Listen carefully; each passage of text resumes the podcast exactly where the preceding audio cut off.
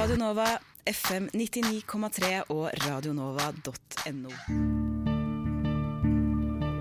for det hovedspørsmålet det hadde vært siden eh, Noam Chomsky etablerte den greina lingvistikken som, som jeg befinner meg i. Vi håper jo på bredest mulig oppslutning om SV, og jeg tror at det eneste som kan få norsk løsner båndene mellom staten og kirka, og forhåpentligvis fører til tettere bånd mellom kirka og folk. Så hadde de gjort som andre fjøringsbevegelser i verden, hadde de helt legitimt kanskje tatt i våpen. Og, og så direkte skildring av menneskeskjebner tror jeg ikke vi har sett i noen annen nyhetsdekning av noen annen terroraksjon. Det er såpass store forskjeller mellom den kalde krigen, hvor det var to supermakter som sto mot hverandre, eh, og den situasjonen vi har i dag. Du hører på samfunns- og aktualitetsmagasinet Opplysningen 99,3 på Radio Nova. Opplysningen 99,3 på Radio Nova. Hvordan vite om nyhetsmeldingen som tikker inn til nyhetsreporteren er ekte eller falsk? Nyhetsredaktør i P4 André Arntzen og medieviter Peter Bae Brandtzæg kommer til studio. Vi dro hjem til professor Rainer Malnes for å høre om det postfaktuelle samfunnet og nye trusler mot demokratiet. Historiker Halvard Notaker snakket rett før jul om hvorfor Trump ble valgt. Vi lytter igjen, og vi gir deg de ferskeste nyhetsoppdateringene. Velkommen til Opplysningen 99,3 og årets første set sending. I dag er dagen Donald Trump innsettes som USAs 45. president, og om få timer inntar han det offisielle embetet. Mange har hevdet at den amerikanske valgkampen var første skrittet inn i det postfaktuelle samfunnet, der samfunnsdebatten i stor grad er frakablet for hva som er fakta, og gode argumenter appellerer til følelser uavhengig om det er sant eller ikke. Men lenge før den amerikanske valgkampen har vi sett hvordan falsk og riktig informasjon kan spre seg raskt på nett. Til og med Facebook-sjefen Mark Zuckerberg har erkjent at desinformasjon er et problem, og laget en plan for hvordan de skal stoppe spredningen av falske nyheter på sin side. I dagens sending skal vi snakke om sannhet. Aller først skal vi høre professor Rainer Malnes fra Universitetet i Oslo snakke om det pastfaktuelle samfunnet. Jeg går oppover trappen i Camille Colles gate, og jeg skal møte Raino Malnes, professor i statsvitenskap og politisk filosof ved Universitetet i Oslo. Nå som Trump har hatt sin første pressekonferanse etter å ha blitt valgt, og senere i dag skal avlegge presidenteden, skal vi snakke om det postfaktuelle samfunnet. Ja. ja. ja. Uh, og så lurer jeg på, Kan du forklare hva postfaktuelle samfunn er for noe, egentlig? Ja, si det. Altså eh, Hvis noen sier noe som ikke stemmer, altså fremstiller ting på en måte som ikke overensstemmer med fakta, så er ikke det noen skam. Det er helt alminnelig. Eh, eh, fordi vi tar ofte feil. Mm. Det som er skammelig, er selvfølgelig for det første å si noe som du vet ikke stemmer. Eh, og si det på en måte som er egnet til å få andre til å tro at du i alle fall tror at det stemmer. Altså føre andre bak lyset. Det er skammelig. Mm. Og det postfaktuelle samfunnet kan jo være nettopp det. Et samfunn der vi, eh, eller eh, politikere i sin alminnelighet, er eh, mindre påpasselige med å la være å føre folk bak lyset. Og så er det det å, som ikke er fullt så ille, men ille nok, å uttale seg om ting som man ikke har greie på, når man vet at man ikke har greie på dem. Eller uttale seg om ting som man ikke har brydd seg om å sette seg grundig inn i. og gjøre det på en sånn måte at andre kan komme til å tro at man har satt seg grundig inn i sakene. Da fører man i og for seg ikke folk med viten og vilje bak lyset, men man eh, misbruker en slags tillit som ligger innebygd i en situasjon der noen snakker i fullt alvor om et eller annet. Da kan vi ikke være sikre på at, de, eh, eh, at det de sier, stemmer, for vi tar som sagt ofte feil. Men vi føler oss trygge på at de har i hvert fall anstrengt seg for å finne ut hvordan ting er. Og hvis de ikke har gjort det, så misbruker de vår tillit. Og det postfaktuelle samfunnet kan jo være et samfunn der folk er eh, liksom, uttaler seg på tynt grunnlag, eh, men på en måte som er egnet til å få andre til å tro at de har et godt grunnlag for å uttale seg. Men så er det det, for det tredje, og det er vel tilfellet med Trump, at han bare, eh, og, og noen andre, eh, prater i vei og sier det som faller dem inn, og som er opportunt å si i en eller annen situasjon, f.eks. For, for å slippe unna et ubehagelig spørsmål eller noe sånt, uten å bry seg noe som helst om sannhetsgehalten i det de sier. Altså at de simpelthen bare skravler i vei. Eller farer med øh, øh, tull og tøys. øh, uten at det synes å bekymre dem det aller minste. Nå kan det si som så at like ille som at folk gjør det, er jo at, at noen gjør det, er at folk i sin alminnelighet ikke er oppmerksom på faren. Så altså, i den grad vi går inn i, er, beveger oss inn i et postfaktuelt samfunn, så, eller det som kalles et postfaktuelt samfunn, så er det et problem at noen fører oss dit, altså omgår sannheten på en lemfeldig måte. Men det er også et problem at folk i sin alminnelighet ikke eh, er seg bevisst at den risikoen fins, for den fins jo alltid. Så det at folk Det at Trump plaprer i vei, det er ille nok. Det at folk uten videre tar det han sier for god fisk, altså ikke gidder å anstrenge seg for å finne ut om det er noe i det, det er de ikke like ille, så er det ille, det også. Mm. Og det er kanskje den store faren ved det postfaktuelle samfunnet, er det at øh, øh, vi bryr oss ikke lenger om øh, sannhetsgehalten i det som sies. Eller vi bryr oss ikke om Vi tenker ikke over alvorlig og ordentlig over om de som sier det, har grunnlag for det de sier. Og der ligger det en plikt på oss alle. altså Vi har en plikt til å øh, være litt skeptiske. Og når den blir borte, når man liksom blir for godtroende kan man si at det er fint å være godtroende, men øh, jeg vil si nei, det er det i sin store alminnelighet ikke. Vi skal være skeptikere. Og det er litt problematisk at så få synes å Eller færre og færre synes å være det. Men mange sier dette er noe som har kommet med Trump, eller i hvert fall at han ja, har hørt i større grad enn vanlig. Men er det noe nytt? For folk har vel prøvd å lure andre bak lyset ganske lenge, for å si det Ja, nei, altså, det, jeg, det tror jeg. Og, og det har vært gjort på utspekulerte måter.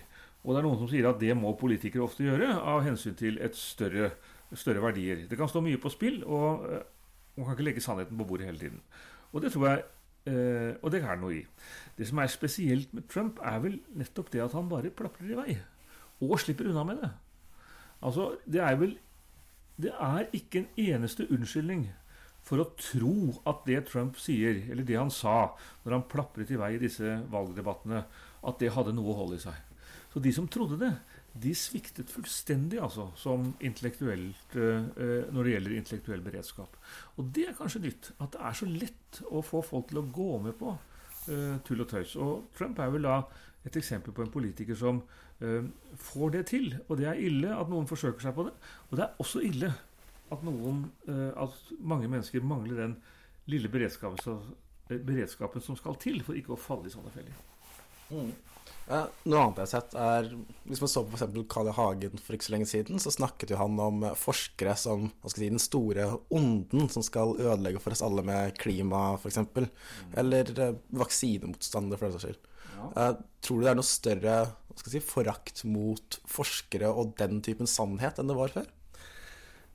Nei, det tror jeg ikke. Jeg tror altså forskere har litt seg selv å takke for den situasjonen de har kommet opp i når Hagen kan si det han sier. Det noen klimaforskere, og ikke bare klimaforskere, men kanskje særlig klimaforskere, den feilen de gjør, er å si vi vet at det er slik. Det er ikke tvil. Det er ikke fnugg av tvil. For det er det. Men veldig mye tyder på at klimaendringer er menneskeskapt. Det er godt belegg for å gå ut fra at det er tilfellet. Vi vet det strengt tatt ikke. Forskerne burde ikke være redde for å fortelle om den usikkerheten som tross alt fins. For når noen går ut og sier at de er sikre på et eller annet, så kan det få folk som ikke har så veldig mye å fare med, til å våkne. Og lettere så å si vinne debatten enn de ville gjort hvis forskerne hadde vært litt mer varsomme og litt mer forsiktige i måten de uttaler seg på. Det er ingen sak å skyte ned et argument som går ut på at 'dette vet vi helt sikkert', med å si som så at 'nei, sikkert er det ikke'. Er langt verre å skyte ned et argument som går ut på at dette har vi god grunn til å tro. Større grunn til å tro det enn noe annet. For da må man faktisk komme med grunner til å tro noe annet. Det er ikke nok å si 'det er ikke sikkert'. Og eh, Carl I. Hagen eh, har jo rett i det, at det er ikke sikkert at klimaendringene er menneskeskapt. Men veldig mye tyder på det. Og han har definitivt ikke rett i det at det er sikkert at de ikke er menneskeskapt. Men tror du sånne ting kan være et problem for demokratiet, da? Ja, det er et problem hvis folk ikke, er, uh, ikke, har det lille som trengs av intellektuelt beredskap mot den type problemer. Altså, Det er lett å peke på politikerne, det er lett å peke på mediene, det er lett å peke på dem som fører folk bak lyset. Vi skal også peke på dem som lar seg føre bak lyset. Altså Det er der så å si støtet må settes inn.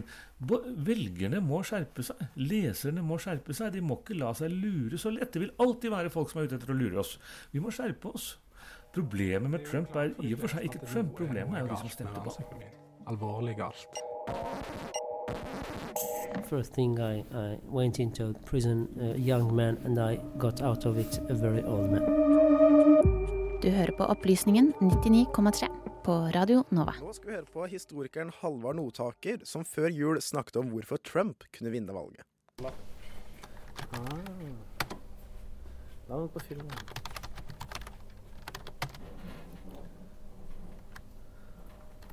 Åssen har du stavet etternavnet ditt igjen, da? Notaker. Der. Trykker på enter. Og så F12.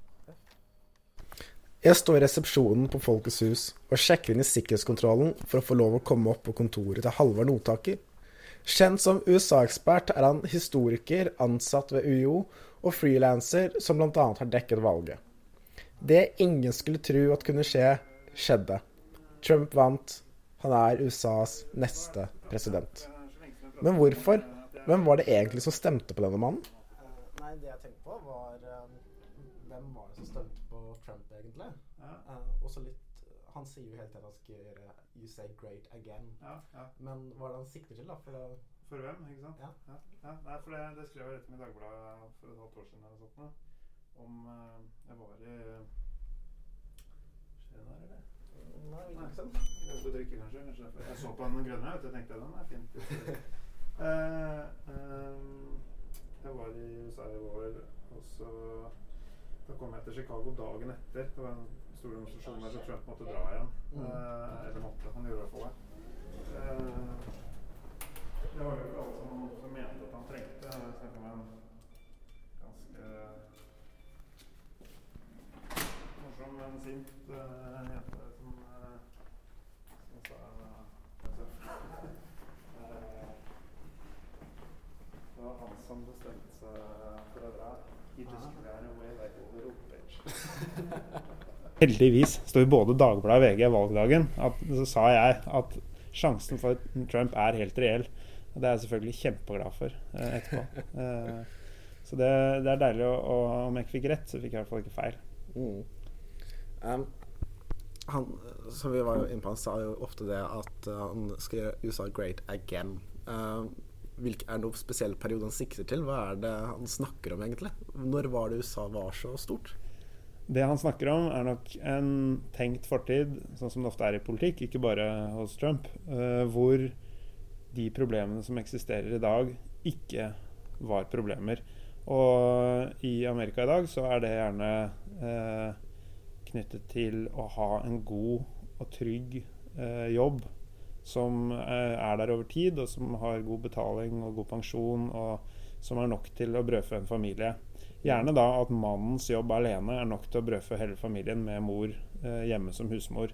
Så knytter det seg da en slags sånn eh, forestilling om en idyll til dette, hvor, hvor eh, det er vanskelig å skille helt fra hverandre det som har å gjøre med økonomi, det som har å gjøre med kjønn, eh, og kanskje i noen sammenhenger for en del ting som har å gjøre med hudfarge. Eh, denne fortiden hvor alle disse tingene var bedre og fantastisk. Den har nok eksistert i det perspektivet eh, en del steder i Midtvesten f.eks., hvor folk eh, hadde sterkt stigende levestandard i, i tiårene etter krigen og arbeidet i store industribedrifter som var eh, som var ansett som de største og flotteste i verden. Og man kunne på en måte ikke tenke seg at de skulle ruste vekk og gro igjen bare noen tiår senere. Så her er det jo helt klart en legitim bekymring for hvordan det skal gå, og for hvordan ting har gått, og for eh, velstandsvekst som bare stanset for flere tiår siden. Eh, men det ligger jo mye annet også i den pakka Trump eh, trekker opp. Mange sier at denne valgkampen har vært veldig spesiell. Um, har det egentlig vært det? Denne valgkampen har vært veldig spesiell på den måten at den ene kandidaten har deltatt så aktivt i den negative, altså den skitne delen av valgkampen ved å komme med karakteristikker ikke bare om motstanderen, men om alle mennesker som han har opplevd som motstandere, det, det har ikke vært vanlig. Men det at valgkamp er eh, eh, noe brutalt, eh, både i USA og andre steder for så vidt, men, men, særlig som vi har blitt kjent med det i USA, det er jo ikke noe nytt. og det eh, så, sånn at eh, Det er ofte sånn å, dette er det skitneste og verste som har vært noen gang. Det er nesten aldri sant. Men det som er faktisk nytt, det er at eh, en av de to storkandidatene selv står for alle disse angrepene.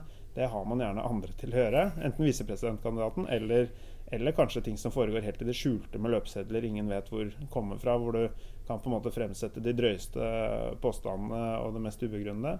Men uh, det har overrasket meg hvor, uh, hvor villig Trump selv har vært til å omtale rykter og ting som ikke er helt klart hvor kommer fra. Og, og Hillary Clinton har eh, fulgt opp til en viss grad ved selv å stå for veldig harde angrep på Donald Trumps karakter og hans, mm.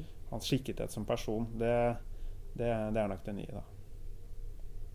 Er det noe spesielt med tida nå som gjør at uh, si, er grobunn for en mer skitten valgkamp, eller er det overspilt det at det er så spesielt den tida her? Det er veldig lett for alle å si at når noe er uh, noe i vår tid er på en måte vi ikke liker, så sier vi at det er noe spesielt med vår tid. Men menneskene er jo omtrent like bra eller dårlige gjennom historien. De er bare forskjellige. Men hvis menneskene ble bedre og bedre, f.eks., så, så er det jo veldig rart at de kom opp med dette med atombombe i, i, i liksom vår ende av historien.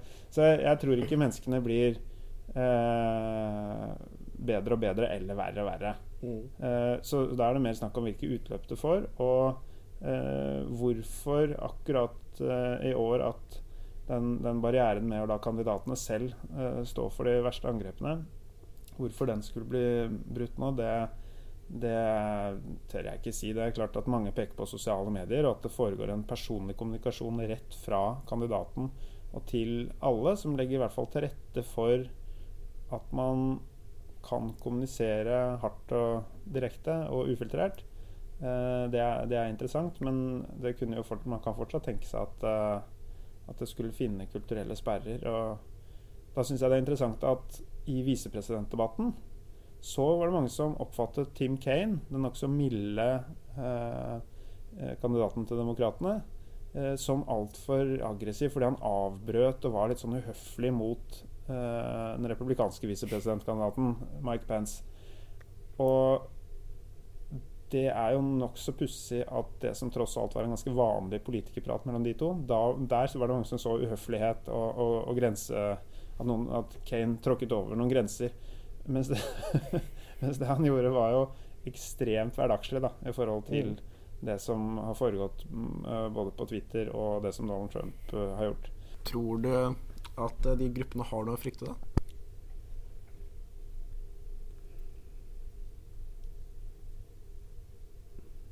det De gruppene som føler seg tilsidesatt og, og diskriminert mot allerede, eh, har i hvert fall ingen større grunn til optimisme eh, hvis det er sånn at det blir mer akseptabelt i den politiske retorikken å dyrke de forskjellene, og dyrke de motsetningene. Det er jo Da kommer man jo ingen vei.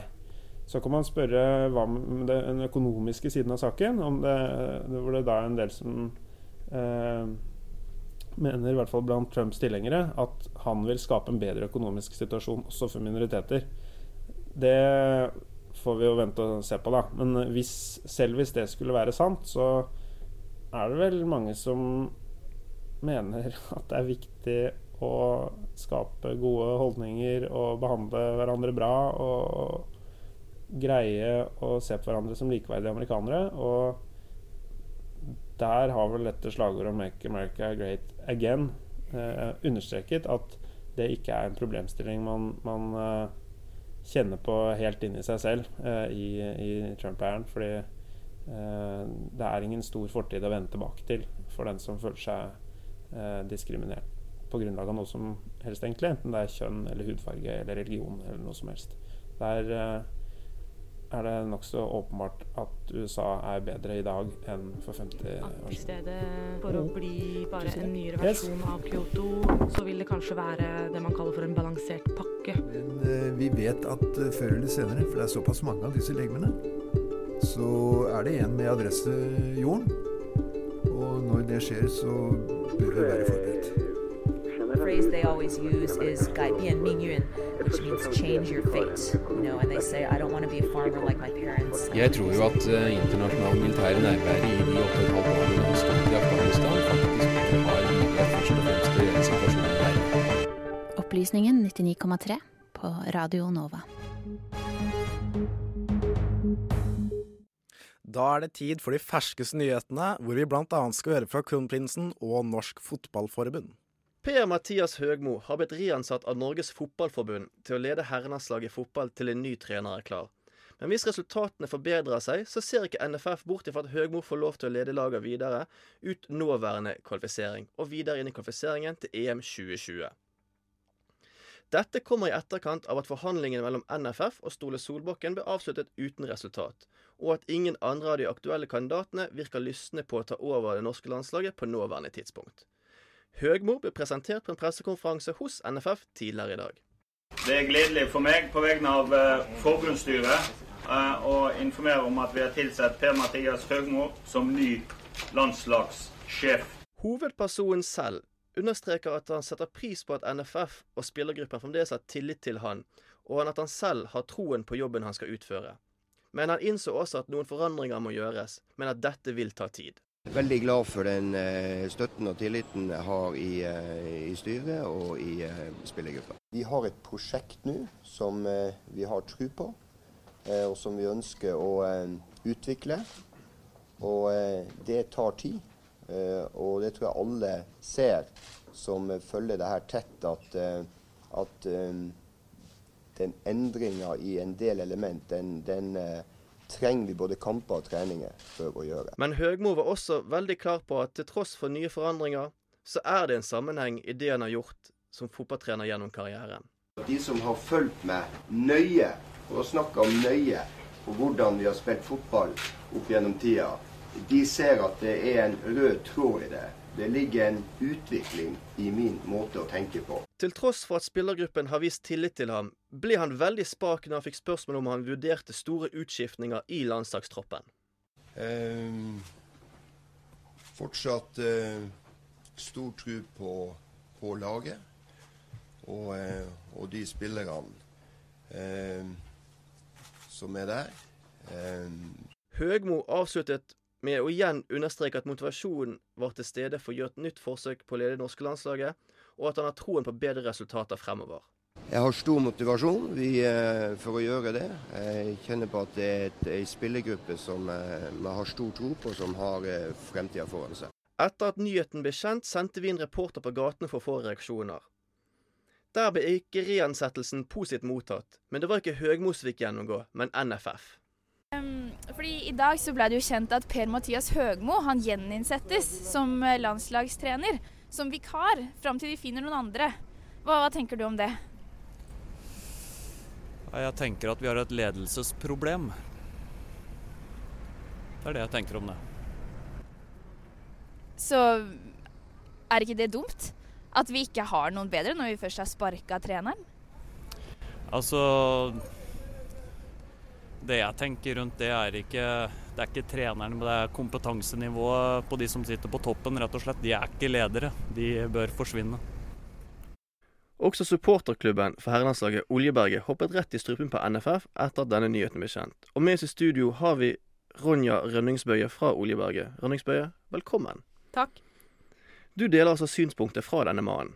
Ja, det er tydelig at eh, NFF har et kjempeproblem på ledelsessida.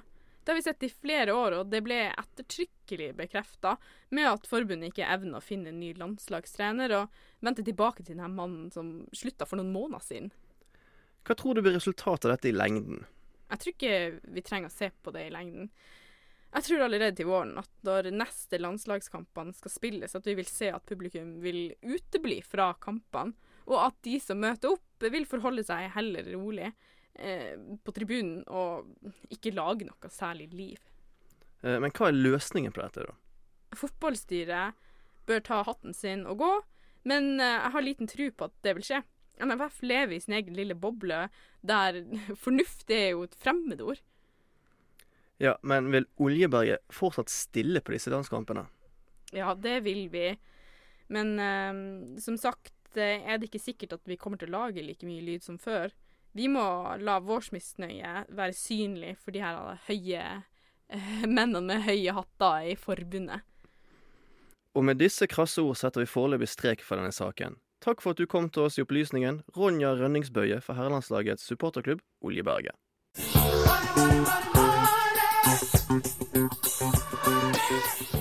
Det har vært mye blest rundt eiendomsmogulen, businessmannen og reality-stjernen Donald Trump.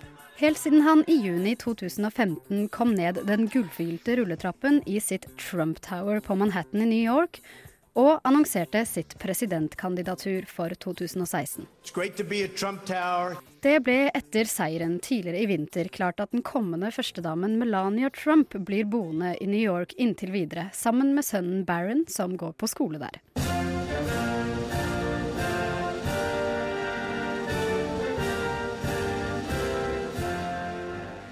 Under innsettelsen av president Trump i dag kunne den utradisjonelle presidenten annonsere at også han blir boende i Trump Towers toppetasje gjennom hele den kommende presidentperioden. The White House is very special. So is Trump Tower. It represents something that can be so good. And you will see what I'm talking about. The building behind me on West 57th Street in Manhattan is a striking residential tower. Hele administrasjonen fra Det hvite hus blir dermed også flyttet opp fra Washington DC, og byggefirmaet Lux Design and Build har fått det noe utradisjonelle oppdraget om å farge den spektakulære skyskraperen på over 200 meter og 58 etasjer hvit. Such incredible people. There's such incredible potential. And you mark my words, we'll be doing this in three or four years, hopefully together. And I think you're going to be, I hope you're going to be very impressed. Det noe mer beskjedne presidentbygget i Washington DC på sine knappe seks etasjer blir inntil videre stående tomt. Usikre kilder skal imidlertid ha uttalt at Melania Trump ønsker å gjøre huset til et senter for barn som er ofre for nettmobbing. Ekspert på amerikanske presidenter ved Norsk institutt for amerikansk politikk, Fredrik Høie Bilding, reagerer på dagens nyheter. Jeg er udelt positiv til dette. Jeg syns det er kjempefint at nå har vi fått en mann som river opp i de tradisjonelle verdiene i USA. Og det tror jeg vi trenger egentlig i våre dager.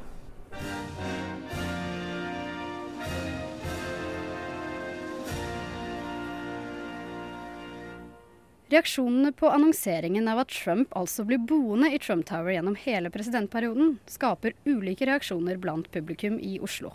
I, I have to see, I have to see it uh, paint uh, the Trump house uh, white. I have to see it. I have to see it before I give you my answer.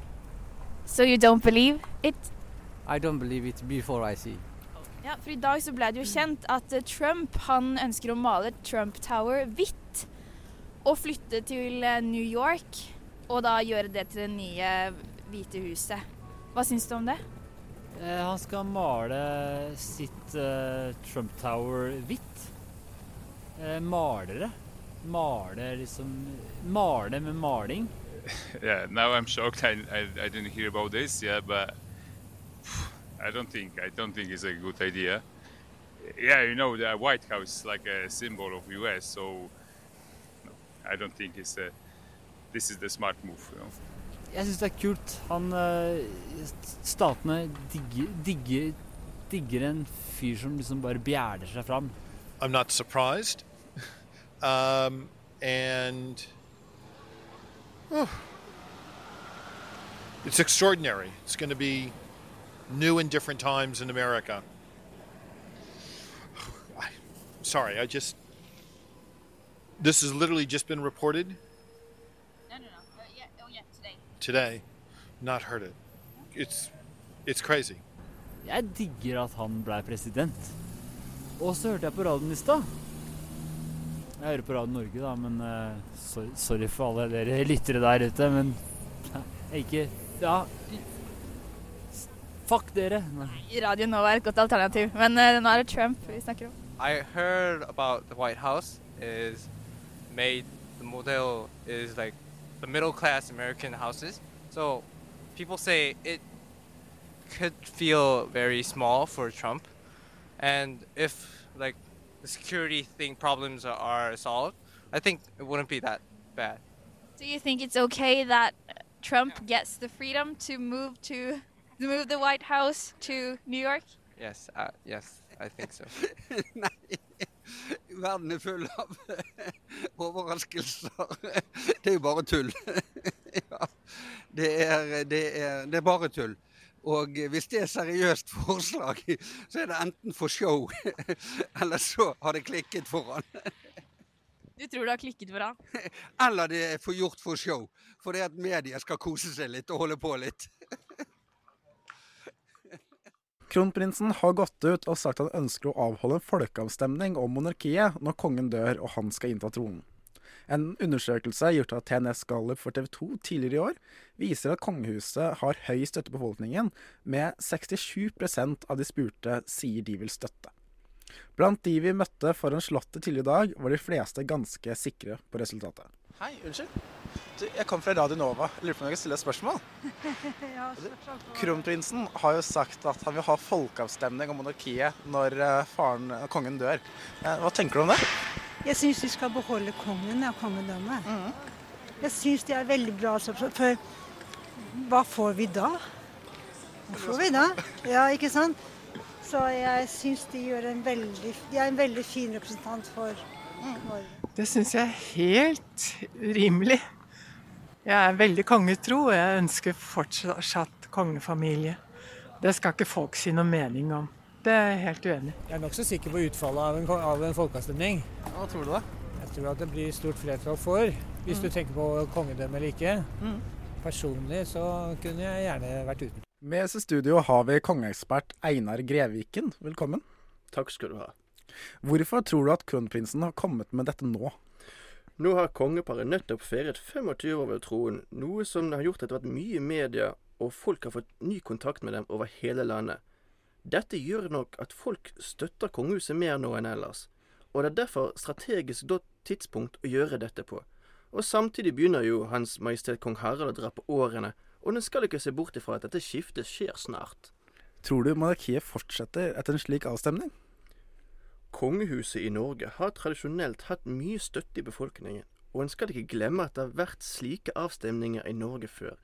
Samtidig har kronprinsen vist å ha noe lavere støtte i befolkningen enn hans far, spesielt med tanke på at han har vært noe politisk aktiv, ting som Global Dignity Day osv.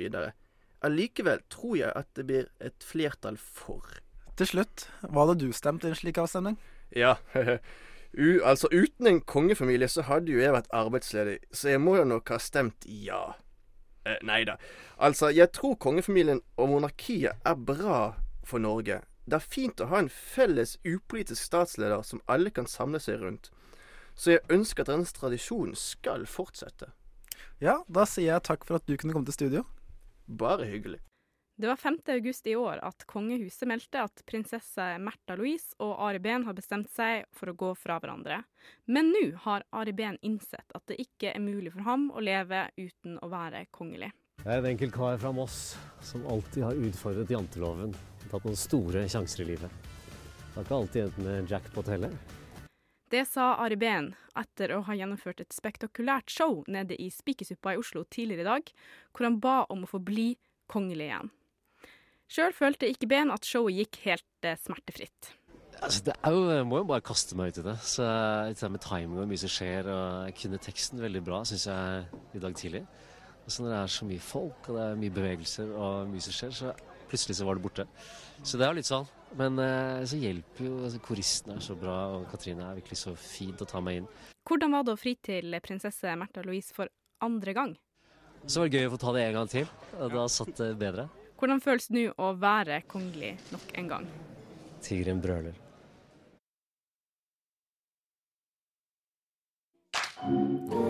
Digitale og sosiale medier gjør at falske nyheter kan spre seg som ild i tørt gress. Men de tradisjonelle mediene spiller også en rolle i formidlingen av falske nyheter. Den amerikanske valgkampen har for alvor belyst fenomenet fake news. I USA opplever media en tillitskrise. Medier beskyldes for å støtte demokratene og være venstrevidde. Men hvordan er det egentlig med tilliten til vestlige og norske medier? Og hvordan kan mediene jobbe for å øke tilliten og hindre at falske medier, nyheter sprer seg? Med oss i studio for å diskutere disse spørsmålene har vi på telefon nyhetsredaktør i P4, André Winnie Arntzen, og i studio Petter Bae Brandtzæg, seniorforsker hos Sintef, medieviter og spesialist på sosiale medier. Velkommen til dere begge. Tusen takk. Aller først, eh, kanskje begynne med deg her i studio, Petter. Er du overrasket uh, over så mange gikk på de falske nyhetene i innslaget vi nettopp hørte? Ja, det var jo nyheter uh, vi bare hadde funnet på, men de som vi møtte på gata, trodde jo på oss med en gang. Ja, øh, jeg er ikke så veldig overrasket med tanke på når det kommer en radioreporter og konfronterer en med en uh, nyhet, så regner man jo med at denne radioen har gjort en faktasjekk i forkant, da. Så man, det er jo på en måte et av premissene man har i dette samfunnet, er jo at man tror og håper og stoler på at uh, journalistene gjør uh, den faktasjekken de skal. Ja, Hva tenker du da, André Arntzen? Er det Stoler folk blindt på journalistene? Ja, mitt inntrykk er at uh, i Norge så har, har, journalistikken en høy troverdighet, og, og, også de kjente mediene det. Selv om det alltid er sånn at når du har en, et barometer over, over tillit og troverdighet, så kommer journalistene litt lavt på den. Men, men, men folk har et, eh, et seriøst eh, ser seriøst på, på, norske medier. Det er mitt inntrykk. Eh, og, og, norske medier er jo i utgangspunktet seriøse også. Det er ikke så veldig mange medier som, som plumper uti og, og omhandler og lager stoff som er sterkt kritikkverdig. Selv om det også selvfølgelig kan diskuteres. Men tilliten til norske medier som informasjonsformidler opplever jeg er ganske høy.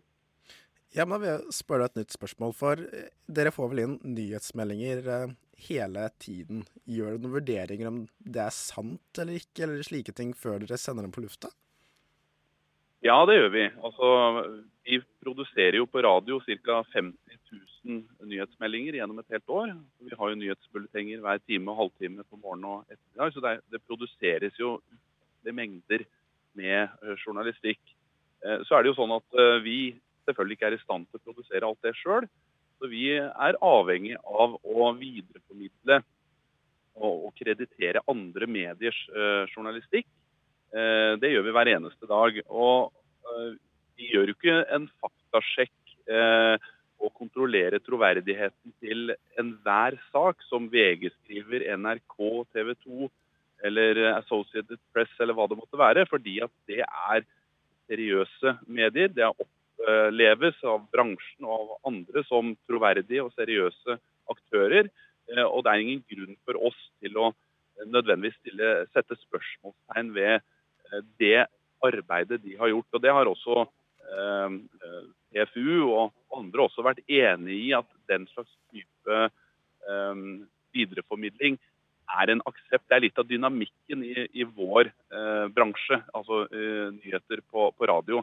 Men så er det jo selvfølgelig sånn at vi kontrollsjekker og skal gjøre det i saker hvor det er veldig sterke påstander, hvor det er åpenbart at det er flere kilder som burde være med, eh, og sånne type eksempler. Og der, eh, der har ikke vi alltid vært flinke nok, og, og, og sånn er det innimellom at vi, at vi plumper uti. Men hvis man ser på det, den store mengden vi produserer av nyhetsmeldinger, så er det jo eh, i sum veldig liten del som, som er eh, kontroversielt. Nettopp fordi at de mediene vi krediterer, det er seriøse medier.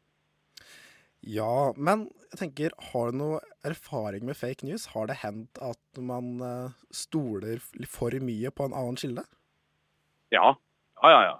Er, vi uh, har ingen problemer med å erkjenne at vi har gått fem på. Altså, dette er jo et litt sånn todelt fenomen. Da, fordi at vi har jo siden tidenes morgen opplevd at utdrikningslag og en del andre forsøker å lure oss til å komme på demonstrasjoner utenfor Stortinget og sånne type ting, og står der med en eller annen talsmann for en eller annen problemstilling, så har vi gått fem på.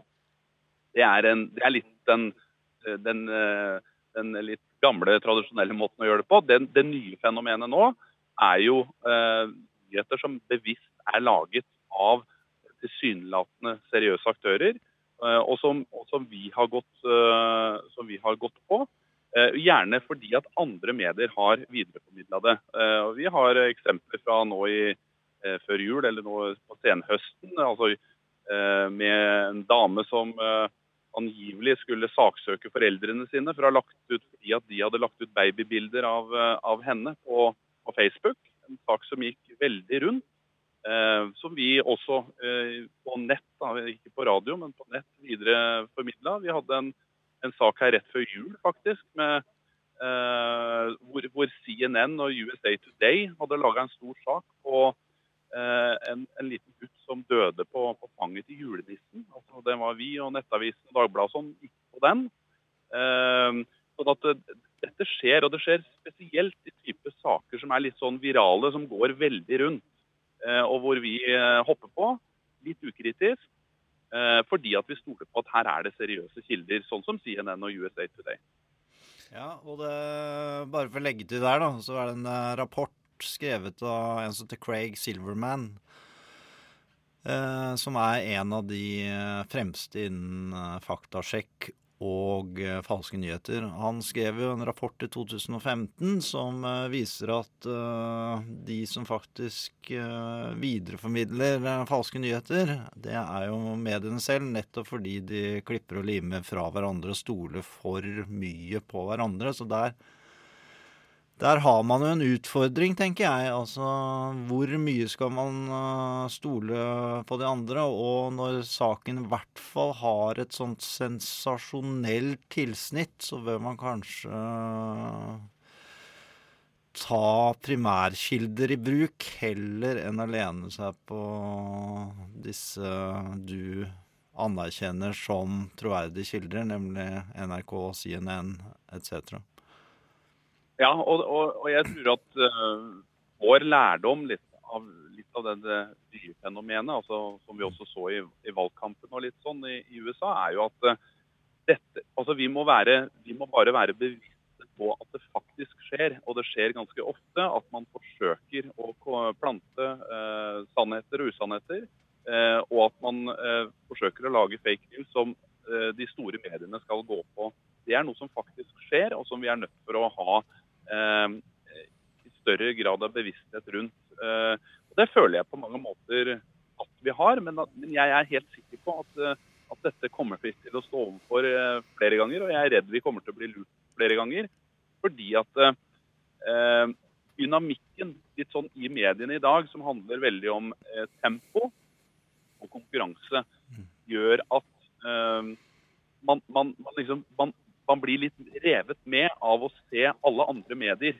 Og Så hiver man seg på, og så vil man kanskje være først. Og så, og så er det innimellom sånn at man eh, glemmer litt prinsippene vi skal jobbe etter. Og man glemmer faktisk å, å holde hodet kaldt. Eh, selv om vi har snakket om eh, mang en internt i vår egen redaksjon, at det, altså, er det historier her som er nesten for gode til å være sanne, sanne, så må vi stoppe opp. Og vi er nødt til å tenke oss om, og vi bør gjøre den sjekken.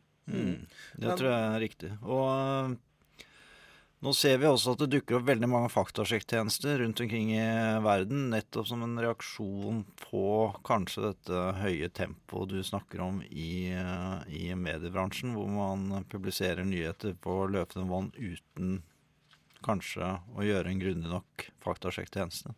Men bare for å spørre deg, Brandtzæg. Altså, nå mm. hørte vi eksempler på saker som ja, en gutt som døde på fanget til julelisten og sånn. Det er jo mm. det er veldig sensasjonelt, men det er ikke hva skal jeg si, så veldig ekstremt viktige saker politisk og videre. Altså, er fake news egentlig et problem hvis det er sånne saker? Nei, det kan du si, det, det, men ikke sant, det, jeg tenker at uh, hvis det blir masse av den typen saker, uh, så vil jo troverdigheten til de tradisjonelle mediene også svekkes. Uh, så man skal være litt forsiktig med å publisere og være litt sånn Ja ja, det er jo ikke så nøye om den saken er falsk eller ikke. La oss publisere den, for det er jo en god historie. Uh, jeg tenker at det vil slå tilbake på de tradisjonelle mediene. Eh, Så jeg syns man skal ta det på alvor. Og det er, eh, det er jo falske nyheter som faktisk kan ha alvorlige konsekvenser. Altså Aps Twitter-konto ble jo hacket i 2013. Hvor de da publiserte en nyhet på Twitter om at uh, Det hvite hus var utsatt for et bombeangrep. Obama var skadet. Og det som skjedde da, var jo at eh, alle mediene hang seg på, fordi de stolte selvfølgelig på Ap. Og dermed så gikk jo det viralt på to sekunder. Eh, og følgende ble at Wall Street eh, og børsen der eh, gikk i bakken, og millioner dollar eh, ut av vinduet. Sånn at det kan få alvorlige samfunnsmessige konsekvenser veldig raskt. Ja, det er jo spennende. Nå tenker jeg at vi skal eh, gå over til en sang, og så kommer vi straks tilbake hit til studio. Velkommen tilbake. I studio har vi fortsatt André Arntzen og Petter Brandtzæg. Eh, For å spørre deg, eh, Arntzen. Hva kan vi egentlig gjøre for å hindre at så, sånne falske nyheter sprer seg? Nei, for det første så er vi nødt for å ha et veldig bevisst forhold til det internt. Eh, Vi er nødt for å kjenne til eh, presseetikken. Vi må være opptatt av presseetikk. Eh, Vi er nødt for å ta en pust i bakken når som jeg var inne på i stad, eh, saker nesten er for gode til å være sanne. Og så må vi innimellom også kjenne litt på at dette tempoet som er spesielt knytta til nettjournalistikk, det er vi nødt for å kanskje distansere oss litt fra innimellom. Eh, ikke bare føle på at oi, den saken der er så spennende og så morsom og har så mange sider ved seg at den der, der kommer til å ta av på nett. Eh, for det er ofte sånne typer saker. Eh, selv om det selvfølgelig også er en rekke saker av mye mer seriøs og særlig politisk karakter, som vi har sett nå i, i, i USA, som gjør at, at eh, fake news har blitt et, eh, et større problem. Men, men den bevisstheten knytta til at det er eh, både aktører og mennesker der ute som vil lure oss, det er vi bare nødt til å ta enda større grad inn over oss. Ja, hva tenker du, du da, Brandtzæg? Er det noe vi kan gjøre med disse falske nyhetene? Jeg tenker at de grepene som blir nevnt her eh, av redaktøren i P4, er veldig gode. Altså Man må distansere seg litt, og man må se an eh, sakene. Hvis de har for mye sensasjonalitet i seg, så må man eh, tenke seg om to ganger. Det var en sak som ble slått veldig opp i TV 2. Eh, Paracet Challenge uh, het den. Altså at det var, skulle være en sånn trend blant ungdommer å ta masse Paracet, uh, og at det var en sånn utfordringsgreie med han som gikk viralt på Facebook. Og at uh, foreldrene nå måtte ta ansvar og den type ting. Og jeg gjorde da et søk på faktasjekken Snope. Det tok meg nøyaktig ti sekunder. Og jeg fant ut at dette var jo en eh, fake news-sak. Eh, Sånn at journalister må også bli flinke til å bruke altså faktasjekktjenester som allerede er der ute, for å, å være kjent med de. Og jeg har gjort intervjuer med masse journalister, også journalister som er i utdannelse, og de lærer altfor lite om den typen tjenester som finnes der ute. Altså hvordan kan man verifisere et bilde, hvordan kan man verifisere en video, hvordan kan man uh, verifisere innhold som går viralt på nettet. Ja, nå ser jeg jo at Facebook har sagt de skal lage et filter for å sjekke nyheter. Eh, Og så skal de markere og fjerne falske. Um, har de et ansvar? Uh, og er det et problem for mediene at Facebook skal ta et overordna redaktøransvar? Ja, det kan man godt si. At det blir et ytringsfrihetsproblem. For eh, det er jo også en utfordring eh, knyttet til hva er falske nyheter. Altså Det er mange ulike definisjoner på det. Noen kan jo definere det som propaganda. Altså Donald Trump sier at CNN er fake news. Sånn at eh, Det fins ikke noe sannhet, det fins bare tolkninger, sier Nietzsche. Eh, Jeg vil ikke gå så langt, da, men eh, falske nyheter er etter min mening eh, informasjon som eh, ikke er verifisert av eh, en primærkilde. Eh, og dette filteret til Facebook eh, lener seg veldig på eh, eksterne faktasjekktjenester, og så må man også gå de etter i sømmene, da. Eh, skal det komme et nivå med faktasjekk over det igjen? Det er vanskelig å si. Det er eh, veldig spennende. Da må vi nesten avslutte. Tida gikk ut. Eh, en siste nyhet eh, som faktisk er ekte her på slutten. Har du lyst til å bli med i Radio Nova, er søknadsfristen 27.1. Radioerfaring er ikke en forutsetning, men skal du bli med opplysningen, er samfunnsengasjement virkelig viktig. Bidragsytere til dagens sending har vært Heidi Karoline Sevold, Eilin Lindvold, Tom Henrik Monsen, Hanne Skjærland Olsen og Kristian Brasa Dammen. Mitt navn er Erik Gabo Ekberg Nilsen, og tekniker var Henrik Slåen. Takk for meg.